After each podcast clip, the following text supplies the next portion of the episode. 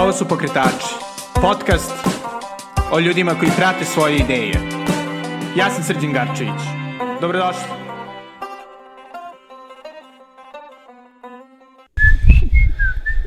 Hvala na, hvala na intru. E, dobrodošli u novu epizodu Pokretača. Ovde sam sa sjajnom, fantastičnom, predivnom Sonjom Radaković, mladom umetnicom, performerkom, balerinom, ženom sa hiljadu talenata. Dobrodošli, Sonja. Kako ste? Hvala, Srki, na pozivu u pokretače. Malo si preterao. Ne. Ovaj. Ali okej, okay, kako, kako si odlučio da se baviš umetnošću? Pa ne znam, nisam sigurna da je to bila stvar neke odluke, da je to bio sad trenutak sada ćeš da se baviš umetnošću, a posle toga nećeš da se baviš umetnošću ili nešto tako, to samo prirodan sled nekih okolnosti koje su se tako Da. složile. Nekako umetnost podrazumeva i određen stil života koji ko, i pozive koji svi drugi koji ko nemaš određeno vreme neko od 8 sati koji ispunjavaš da se baviš umetnošću, nego samo živiš svaki dan dok A dobro, ali mislim, ali to, to jeste cool zato što si rekla da je poziv, u smislu da nije... Mislim, umetnost, ono, osim ukoliko lupam, nećeš da, da slikaš portrete nečijih mačaka i kučića, što je isto apsolutno validno i cool. Ove, nekako ono, ne, nije, nije nešto što čovjek može kao da otalja. Pa dobro, da, ali generalno i više volim da stvarima pristupam i više cenim kada ljudi svojim profesijama pristupaju kao pozivu nego kao nekoj obavezi, pošto poziv podrazumeva mnogo kao širi spektar ovaj, načina bavljanja nekim poslom i mnogo veću odgovornost. U smislu da sami određujemo svoje granice i sami određujemo koliko ulažemo sebe i koliko očekujemo od sebe i od drugih. Tako da. Da.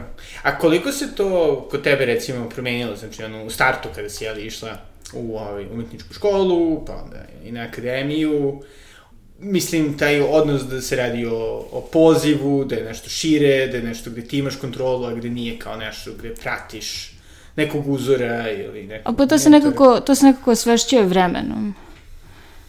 Čini mi se. Nekako prvo kreneš možda po nekom instinktu i impulsu.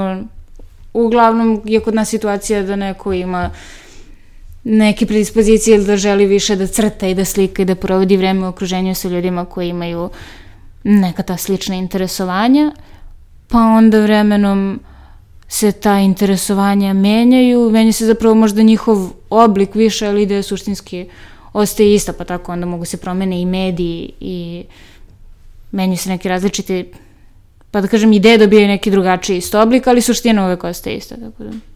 Da, da, pošto, mislim, ti si baš dosta promenila svoj medij, ali krenula si dosta sa crtežima, Pa recimo, ali možda i to zato što je kod nas situacija takva da nemamo u startu toliko izbora, toliko da kažem različitih podkategorija umetnosti između kojih bi mogli da biramo u kojoj želimo da se usavršimo, nego je više nekako stvar opšte prirode ili želiš da se baviš ukoliko je to neka, da kažem, pa ide vizualna umetnost, mada to zaći ćemo onda i u dramsku, ali možda se odlučiš da li želiš da ideš na mm, likovnu akademiju ili želiš da ideš na primenjen i to je to. I onda ti odlučiš da li ho, šta te više zanima. U mom slučaju mene više zanimala likovna umetnost. Recimo da je to pre, koliko je sad to već, pre 12 godina bilo slikarstvo. Pa se onda to kasnije nekako vremena menjalo, transformisalo i evo stigli smo sad do nečega što bi se recimo nazvalo performans, ali nekako mislim da mediji nije dominantna neka stvar koja treba da nas sve ograničava. da. A šta je onda dominantno? Poruka ili... Pa ideja šta želiš da kažeš ili kako želiš da odreaguješ na neku situaciju ili kako želiš da iskomentarišeš neku situaciju. Mislim, generalno mi deluje da smo mi nekako na nivou ljudi koji komentarišu ono što se dešava u našem okruženju. Mm, Da, da. I, i jel ti deluje da nekako ono, uh, kroz performans koji većina ljudi smatra, da kažem, manje razumljivim medijem u odnosu na recimo slikarstvo kojim smo ono, dosta više okruženi, neko smo naviknuti ono, kroz školu da gledamo to, da je nekako ta poruka jača, razumljivija ili, ili osjećaš zapravo da na tvoje crteže postoji ono, da, ih, da ljudi drugačije to percipiraju. Da, moji crteži baš sumnjam da je neko baš i video moje crteže, zapravo možda slike Dobro, eventualno. da, smo imali sreće, ali da. Ali, ovaj, pa ne znam, dobru sliku mislim da ne može ništa da zameni. Dobra slika i meni dalje ostaje dobra slika, ali mi se nekako čini da je sada možda kao najistinitiji način izražavanja neki koji je koji ima najviši koefi- koeficijent kao posrednosti nekakve, u smislu da u, kada je performans u pitanju, tu imamo direktan kontakt sa publikom i zapravo performans baš jako teško funkcioniše ukoliko mm, se ne dobije povratna informacija od publike, kao ne može čovjek sam za sebe, generalno umetnosti ne može čovjek sam za sebe da stvara jako teško, ali u performansu mislim da je pogotovo takva situacija. Da. I pogotovo sada kada sve nešto teži ka nekoj digitalizaciji i ka mm, zbog kao prethodne situacije kada je sve nekako upućeno na neku online formu, mislim da je sada više nego ikad bitno da da postoje takvi vidovi izražavanja. Da, direktni. Ok. A isto si ovaj, se, da kažem, proširila i u ples. Da, nisam sigurna da bih to nazvala isto plesom. Je jako čudno, sad to mogu da ti kažem za sve što ti pada na pamet čime se bavim, da nekako nisam sigurna koja je to tačno forma i kako bi to tačno moglo da se nazove. I ovaj, to da ne, ne bih to nazvala baš plesom, ali recimo da sam odlučila da uvedem, da na neki način školujem svoje telo i kao da malo profesionalnije pristupim o pokretu. Recimo, s obzirom na to da me, ako sam, kada sam shvatila da me interesuje performans i kada sam počela time malo više da se bavim, onda me zapravo interesovalo malo da proširim to svoje polje znanja. Da. I I ništa. kako je izgledalo ono, učiti? Pa to je zapravo, to je krenulo nekako iz neke sulude ideje, kako...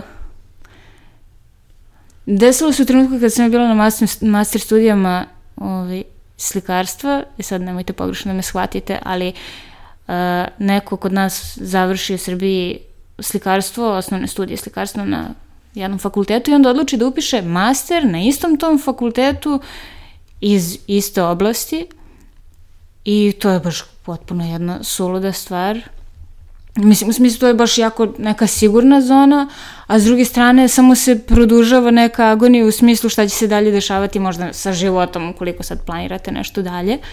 I onda sam ja tako sedala i razmišljala, dobro Sonja, šta je tebi posle, kada si napravila takav izbor, da li postoji nešto još više, kako da kažem, mm, još više suludo što možeš da uradiš, što apsolutno neće doprineti recimo uh, tvojoj Položaj na tržištu pa rada. recimo da tvom položaju na tržištu rada i uopšte pošto nekako kada planiraš život onda razmišljaš o tome šta bi ti bilo korisno da nastaviš u kom smeru da nastaviš kao svoju karijeru, št- kako da se obogatiš u smislu materijalno i kao znanja, a ovaj, i onda kao ostanem na istoj poziciji, u istoj situaciji, da još dve godine, kao zašto sam to sebi radili, što postoji li još nešto što može da bude, da se kao podvuče ta ideja.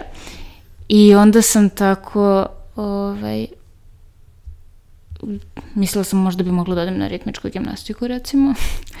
I nisam našla, našla sam balet u tom trenutku u Novom Sadu, klasičan, i otišla sam kao, ajde da probam, nisam nikad bila u kontaktu pre toga sa tim. I stala u prvu poziciju, pala i rekao, "U, super, ovo je baš teško, mogla bi da probam. mogla bih ovo da probam. I tako nekako se da ta teorija absurda malo u praksi kako funkcioniše i nisam se pokajala, jako je zapravo uzbudljivo da da, da. isprobaš tako neke stvari za koje misliš da nikada ne bi uradio. Da, i, i, i mislim i nekako ono, dosta, dosta često se kritikuje umetnost, savremena umetnost, zbog toga zašto je kao totalno, ne, nema nikakvu ono određenu formu, donekle smatra da za razliku recimo od baleta, ovaj, kao fazonu, i moje, i moje dete bi to moglo da radi, dok balet opet sa druge strane je vrlo striktna stvar, pogotovo klasični. Jel, jel ti to možda bilo zanimljivo? taj kao neka Pa meni je to bilo, da, u smislu dopada mi se ta ideja vojničke rutine i načina na koji se, na koji se stiče određena veština. Ali klasičan balet sam po sebi, ja sam to videla možda kao neku najstilizovaniju formu pokreta koja postoji. A generalno klasičan balet kao kompletno umetnička forma je pa ne znam sad kako bi to tačno nazvala. Ja to gledam, posmatram baš mnogo različitih načina. Meni to je jedna isto apsolutno suluda forma, jer kao kad pogledam jednu sad mm, kad pogledam neku baletsku predstavu, dok gledam, ja se divim tim ljudima, njihovim pokretima, njihovoj veštini, a s druge strane to generalno kao forma je jedan užas. Što? Jedna katastrofa.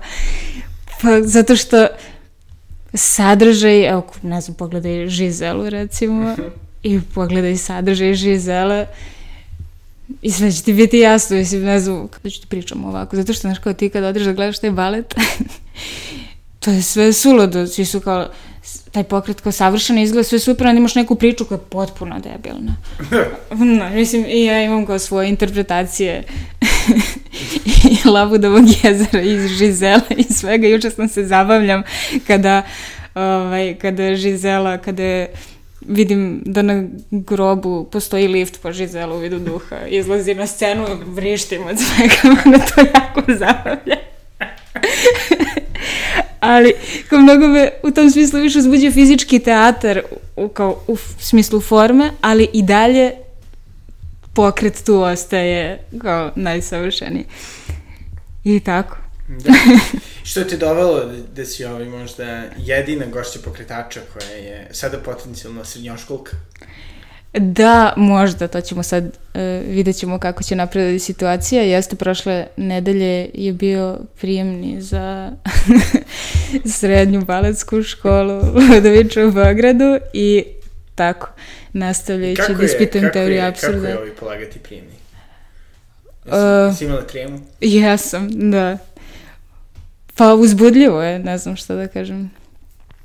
Ja, kao zanimljivo u smislu samo u smislu izazova, a i u smislu te ideje da nekako kao apsolutno ne, neadekvatna osoba po starostnim granicama i ne znam, da više, imam bilion godina i prebacila sam sve starostne granice koje podrazumevaju kao neku mladost, što si rekao mlada umetnica, kao mislim, ako gledamo po enciklopediji, to bi došlo negde do 25. bi se povukla crta, a ja sad imam preko 30 godina, tako da se meni, mislim, meni se zapravo dopada ta ideja da da kao ulažemo u te neke veštine i da Ne, dobro je kako se postavljaš na tržištu u smislu da kao sistem ti sve vreme traži neka mlada tela koje su, koje imaju vremena da se razvijaju i da veštinu dovedu do vrhunca i zapravo mislim fizički i biološki to ima smisla, ali s druge strane zašto se ne bi ljudi bavili svim čime žele da se bave bez obzira na na da. tu neku granicu formalno. Da, i, i ono njihovo formalno mesto u sistemu, i to jest kako sistem zamišlja njihovu životnu trajektoriju. Pa da, jest. Meni se dopada zapravo to skretanje sa nekog puta, kao sistem te odred, sistem ti odredi u nekom smislu čime ćeš da, da se baviš i kako će tvoj život funkcionisati, u kom smeru, kako, u kom smeru, možda ne koju profesiju ćeš da izabereš, ali svakako ćeš proći kroz institucionalno obrazovanje i samim tim će te to usmeriti dalje na zaposlenje i onda šta se dešava kada si ti tom sistemu nekako apsolutno beskoristan. Da. Pošto kao ne možeš da nekako ne možeš da, da vratiš ono što je očekivano od tebe. Da. Kao neki neposlušni građani, ne znam, nisam sigurna. Da, da, da, da. Da, da, dobro, to je gotovo ono kao, ono, larpurlartistički, ono, odnos u smislu kao fazonu, da. Da kada, da kada nema, da je zapravo cool zato što nema nikakvu svrhu, ali ovoga puta za sistem, ali ima za tebe interno ili... Mm, ili ima neku, da kažem, poetsku svrhu, ne? Ne gledaš na, na ti način. Pa, ne znam šta da ti kažem. Da. Pošto ono, dosta u tvojoj umetnosti ima tog nekog ono, minglovanja između, da kažem, tvoga kao stvarnog života i tvoje umetnosti, u smislu... A mislim da to ima u svakoj umetnosti, da. Ali, ali baš eksplicitno. Da, ali mislim da toga ima u svakoj umetnosti, da prosto iz ko nekih svakodnevnih aktivnosti crpimo sadržaje koje kasnije preoblikujemo i ovaj, koje, koje, kojima dajemo možda i neki kod drugi značaj. Da. da, ne znam, kurvanje je isto, isto nastalo tako iz neke suludosti, da. gde sam ja u jednom trenutku isto tako. Da, zapravo te moje master studije su bile vrlo uzbudljive. Master imao smisla, Sonja? Master je naravno imao smisla. ne, želim, ne želim da me pogrešno shvate kolege, ali ovaj, da, jer sam nešto pokušavala sam, slikala sam i u tom trenutku, jel te, kao, ispunjavala sam program i to bi trebalo da bude neka master izložba. Ja sam shvatila da mene zapravo, ako je master izložba, zanima da ona bude predstavljena u nekoj uh, renomiranoj instituciji. I onda sam bez neke, kao bez neke pretrane prethodne upućenosti odlučila da odem do Muzeja savremene umetnosti Vojvodine da se raspitam da li je to u redu da je oko njih napravim izložbu bez kako da kažem, nekih prethodne, prethodnih konsultacija ili u tom trenutku zapravo nisam poznavala ni ljude koji su tamo radili. I ništa, tako sam se spakovala spakovala svoj portfolio u ranac i otišla jedan dan do direktora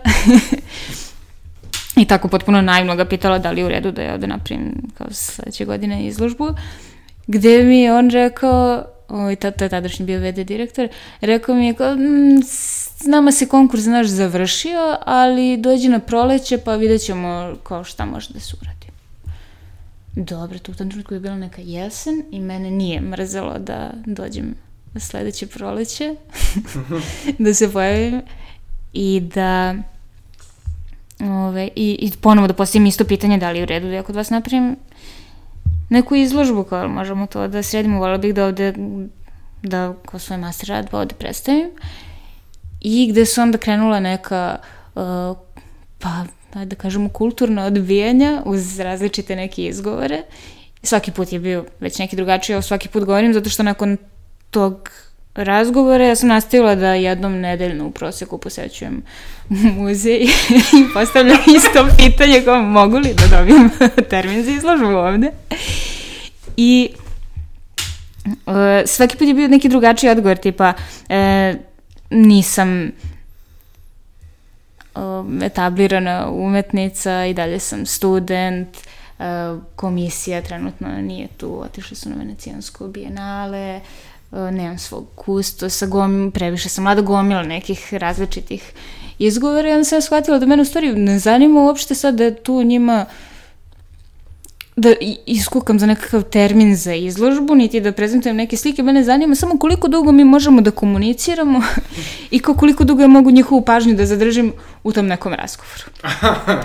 I onda sam nastavila da odlazim na taj muzej, jer kao očigledno termina za izložbu za mene nije bilo, ali me samo zanimalo da isprobavam ovaj, na koji način možemo da komuniciramo i zapravo ispostavilo se da to je neki kao tipi, neki klasičan obrazac. Ispostavilo se da sam najdužu pažnju zadržavala u trenutku kada sam dolazila nekako u nekoj tipičnoj ženskoj ulozi, kada sam bila nekako najtipičnije ženski obučena, kako god nekako pri, pristojna kombinacija suknje i košulje, recimo.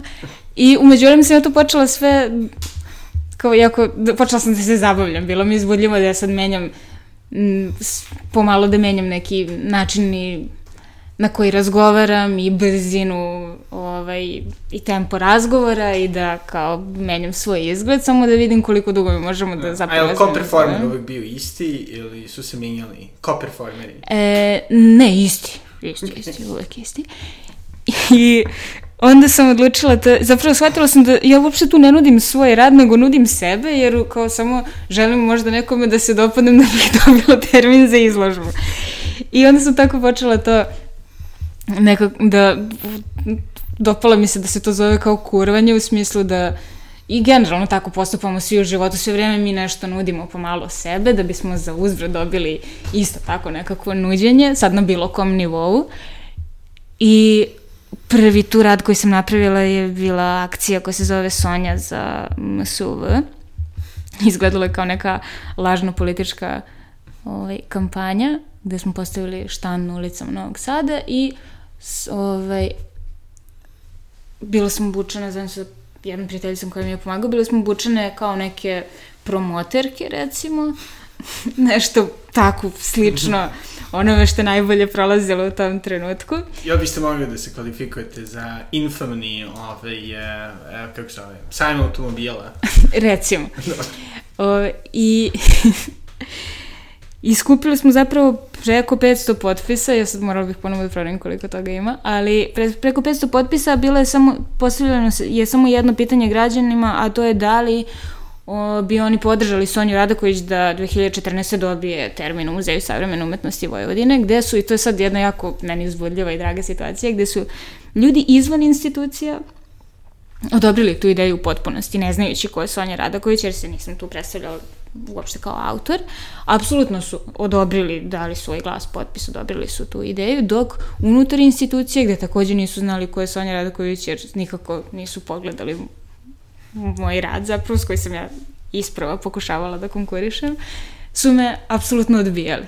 I onda je meni to postalo jako izvodljivo da isprobavam te granice unutar i izvan institucija i nekako se tako dalje razvio kompletan moj rad. Da, da, da. da. I jel, kada je ovaj ko-performer, gospodin VD, ovaj, shvatio da je bio ko-performer? pa, verovatno, vrlo brzo nakon izvođenja tog rada. Super. Ne, super. I onda se nastavilo ovaj, najboljim kalendarom na domaćem tržištu. U, da, dobro, postoji priča da za kalendar uh, jeste, postoje primjerci autorskih, autorskih izdanja kalendara koji je zapravo jedan rad koji se zove promocija, gde svakih par godina napravim kalendar koji poklanjam umetničkim institucijama kao novogodišnji poklon. -hmm. Da. Koje su inače vrlo, vrlo lepe fotografije tebe? Pa, recimo da su vrlo lepe fotografije, ne znam, nisam sigurna, sad to je čudna kategorija, ali šta znam, prate proces, to jest ideje da prate proces ovaj, promena i zapravo starenja. I sad možda su te fotografije trenutno lepe, ali vidjet ćemo šta će se kasnije dešavati. I kao bilo bi zapravo jako zbudljivo da taj rad može da zaživi baš na duži niz godina pa da mogu da, da se naprave da. Kad smo išli promo materijala, nisi razmišljala da praviš i one kao e, ove, olovke, pa kao, ne znam, sa tvojom slikom ili ono, čak ne, ne. onda koje se menjaju, kako ne, ih okrećeš. Ne, da, ali postoje kao zapravo, ti, ti pravo materijali su jako zanimljiva neka stvar, neko su suludo trošenje resursa. U svakom pogledu. A da, ali dobro, ali ovo je zaista ono, ih dovodi na nivo, nivo iznad. A pored ovaj, tvoga rada isto se baviš i, i oblikovanjem mladih umova. Uh, to je najodgovornija stvar. Kako je to? Pa to je... Mm, to je jako uzbudljivo. Ali na više nivoa, zapravo, zato što drugačija odgovornost umetnosti nekako je jedna vrsta odgovornosti u smislu prema sebi i prema publici i prema nečemu što kolektivno nekako što svi gradimo, što će u nekom trenutku biti istorija i što će kao možda biti neka linijica na, u smislu umetnosti, neki, možda ako se bude na, definisalo kao neka forma. A s druge strane, o, o, kako da, ja to više volim da zovem kao pomoć i možda podrška mlađim kolegama da oni pronađu svoj način izražavanja i da budu zadovoljni onim što rade, mislim da je to zapravo mnogo veća odgovornost.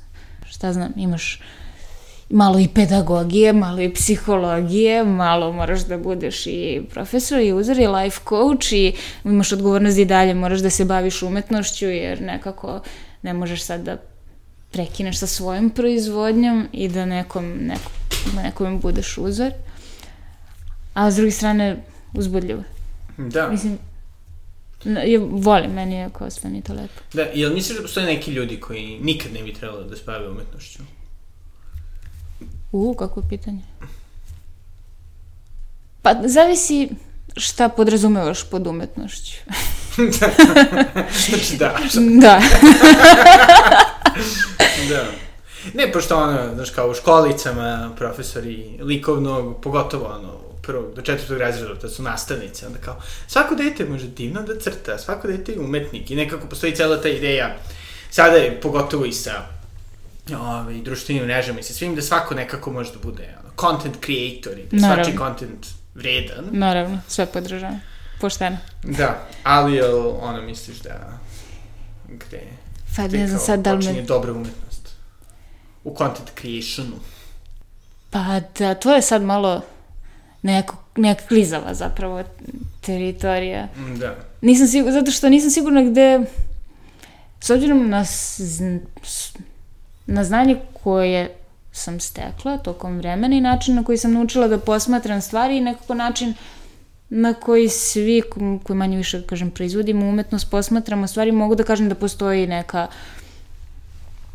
neka opšta slika umetnosti koju svi poštujemo i kategorišemo je kao dobru, doživljamo je dobrom, ali mislim da je poenta da se zapravo ti parametri stalno pomeraju i da se to sve stalno meša da bismo došli do nekih novih sadržaja.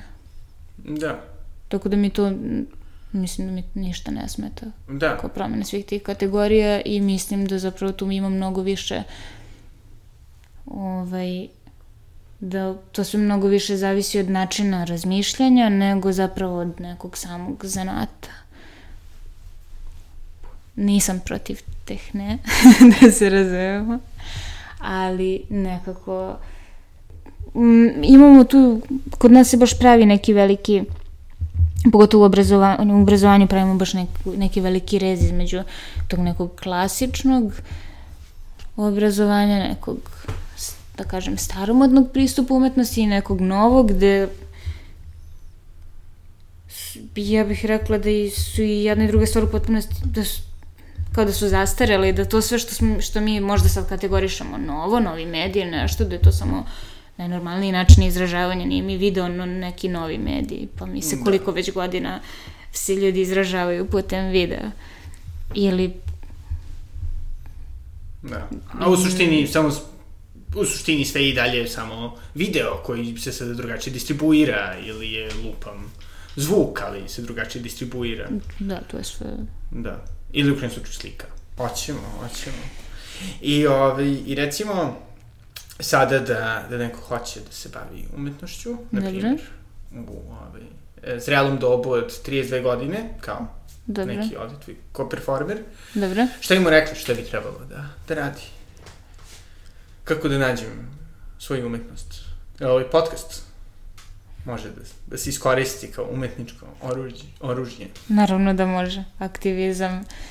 Ja mislim da kao, ka, vrlo često dolazi do osuda kao da m, mm, aktivizam umetnosti ne, zapravo ne predstavlja umetnost, ali mislim da je to isto jako bitna stvar i da može da dopre do velikog broja ljudi i da mogu da se pokrenu i da se promene neke stvari i na taj način. Tako da. da to isto ne bih zanemarila. Ako god želi da, se, da počne da se bavi bilo čime, ako, za, ako ozbiljno tome pristupi, Što da ne? što da ne? Da. Zašto bi se tu pravile neke se, ne, ne zavisi od fizičkih predispozicija. Hvala vam što si to objasnila slušalcima. da. Ali Pa da te godine i to mi je nekako, mislim da nema nikakve veze, da podjednako može da se nauči od nekoga koji je iskusniji, koji ima veći broj godina od nekoga koji ima Manje. Da. manje, da, i to je zato super, to je u obrazovanju super i na fakultetu je dobro, zato što nekako mnogo puta od studenta dosta toga i čujemo i naučimo i pokrenu nas da krenemo da istražujemo neke različite stvari, Da. raz- ta razmena informacija je zapravo bitna. Da, da. I, ali dobro, ona je nekako to, nas vraća možda na početak, ona stvar poziva, kako, kako osetiš svoj ono, Jest, kreativni poziv. jest. Da. Da postoji nekada da si nešto radila, da si osetila da to nije deo tvoga poziva. Uh, da. Hmm, čekaj, trebalo bi mi baš vremena da se setim. Pa verovatno jesam, ali trenutno mi ništa ne pada na pamet. S obzirom na to da se trudim da sve stvari koje radim da uvežem, za, da to ide u skladu sa onim čime se bavim. Nisam sad sigurna da mogu da ti kažem. Da. Mislim, možda neka ova dnevna rutina isto, ali Da, da. Ali dobro, to je baš cool, ono, ti kao tretiraš sobstveni život kao Gesamtkunstwerk, ono. pa to, tako to funkcioniš. tako to Da. funkcioniš. Da, pa dobro, super. I ovi, šta bi voljela sa sledeće da radiš? Šta je sledeće? Šta je sledeće? Pored, naravno, nadam se, srednjoškolskih obaveza. Da, pored srednjoškolskih obaveza, m, sle... pa imam u planu par nekih projekata koje, treba, koje bi trebalo da završim i koji iziskuju, neki iziskuju dosta vremena, neki čekaju da se realizuju. Ima planova, mislim, trebalo bi sad na oktobrskom salonu da se, trebalo bi da realizujem zajedno sa još, ne, nije zajedno, ali na oktobrskom salonu bi trebalo da realizujem performans jedan, pa ćemo vidjeti kako će to još funkcionisati i da li će, imam okvirnu ideju, ali koliko će se ona do jeseni promeniti, vidjet ćemo. da ostanemo, da kažem, vezani za, za ovaj trenutak u, u istoriji, vrlo bitan trenutak u istoriji. Ka, kako da li si će ti izaći na izbore? A, ne, ne. Ove, kako si provela karantin? Kako sam provela karantin? E, to je, ja mislim da je to najgore moguće pitanje koje ljudi postavljaju jedni drugima i koje se dosta provlačilo u poslednje vreme kao povod za pokretanje nekakvih umetničkih manifestacija ili održivosti. Da, svi su imali nekakve izložbe radova iz karantina u karantinu, reakcije na tu situaciju i gom, samo mislim da je uticalo, da je pospešilo dodatnu produkciju videa i snimanja kao svakodnevnog nekog samo nadgledanja. Tako da, ne znam, mogu, da ti prepričam šta sam radila tokom karantina, ali ne mislim da je to sad nekog pretranog značaja. Da. Da. Mislim, ako, uglavnom ljudi vole da čuju stvari kao što su, uh, gledali smo filmove, čitali smo knjige, čitali smo sve sadržaje koji su nas zanimali, radili smo sve ono što nismo mogli da stignemo da radimo pre toga. Evo ćeš da I si mislim, onda, da si baš razvila kao, neka veštačka kao situacija. umetnik U karantinu. Zahvaljujući Kao tom, tom kvalitetnom kontentu koji je bio svuda oko nas. Zahvaljujući tom... da, mislim da je kvalitetan sadržaj u karantinu najviše uticao na moj razvoj. Ovaj, Pa šalim se, ne.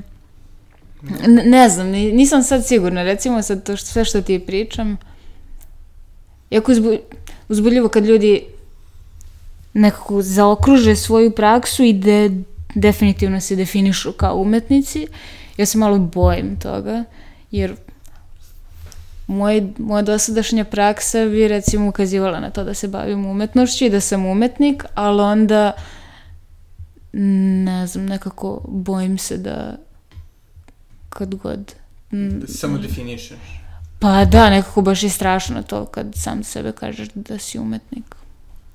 Mnogo strašna reč. Pa ne, Teške stvari. Da. Što je zato što ono kao delijenira jedan deo tvoga života i postojanja, od ostatka tvoga postojanja. Ono, kao u jednom trenutku svičuje se, ono, Sonja je umetnica, Sonja... Ne Sonja. umetnica, Sonja, Sonja. Sonja u civilu, Sonja na ulici. Na ulici. Da, ne znam, zavisi. Baš zavisi od situacije, ali baš mi, to mi baš teško pada da govorim za sebe da sam umetnica, zato što onda i, ne znam, možda i stvar neke odgovornosti, možda sad i izmišljam. Da, Ali znaš, kao ako, izmi, ako kažeš da si umetnik, strogo umetnik, onda moraš, da.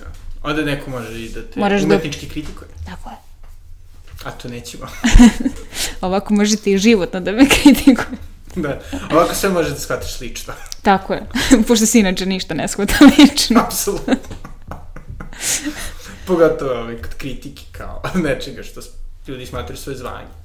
Tako je, postoje samo objektivne stvari. To su samo objektivne stvari, da. Subjektivno, to je zaboravljena kategorija. I to je bila Sonja Radaković. E, kao što niste čuli u ovom našem vrlo zabavnom intervju, Sonja je trenutno na doktorskim studijama na Akademiji umetnosti u Novom Sadu, gde isto je i saradnik na predmetu slikanje. Možete da je pratite do oktobarskog salona i na društvenim mrežama. Sve će to biti uh, ovaj, na linku uh, u postu na thenutshelltimes.com. E, želim svima da vam poželim divno leto, e, iako ovo nije poslednja epizoda pokretača e, u ovoj sezoni, e, bit će još par, bit će još novih projekata. E, ukoliko želite da ih finansijski podržite, to možete uraditi preko Patreona na adresi patreon.com, kosacrta Belgrade, kao i na Paypalu na paypal.me kosacrta s Garcevic. U svakom slučaju, nadam se da ste dobro, da uživate u ovom čudnom vremenu i do sledećeg slušanja. Doviđenja.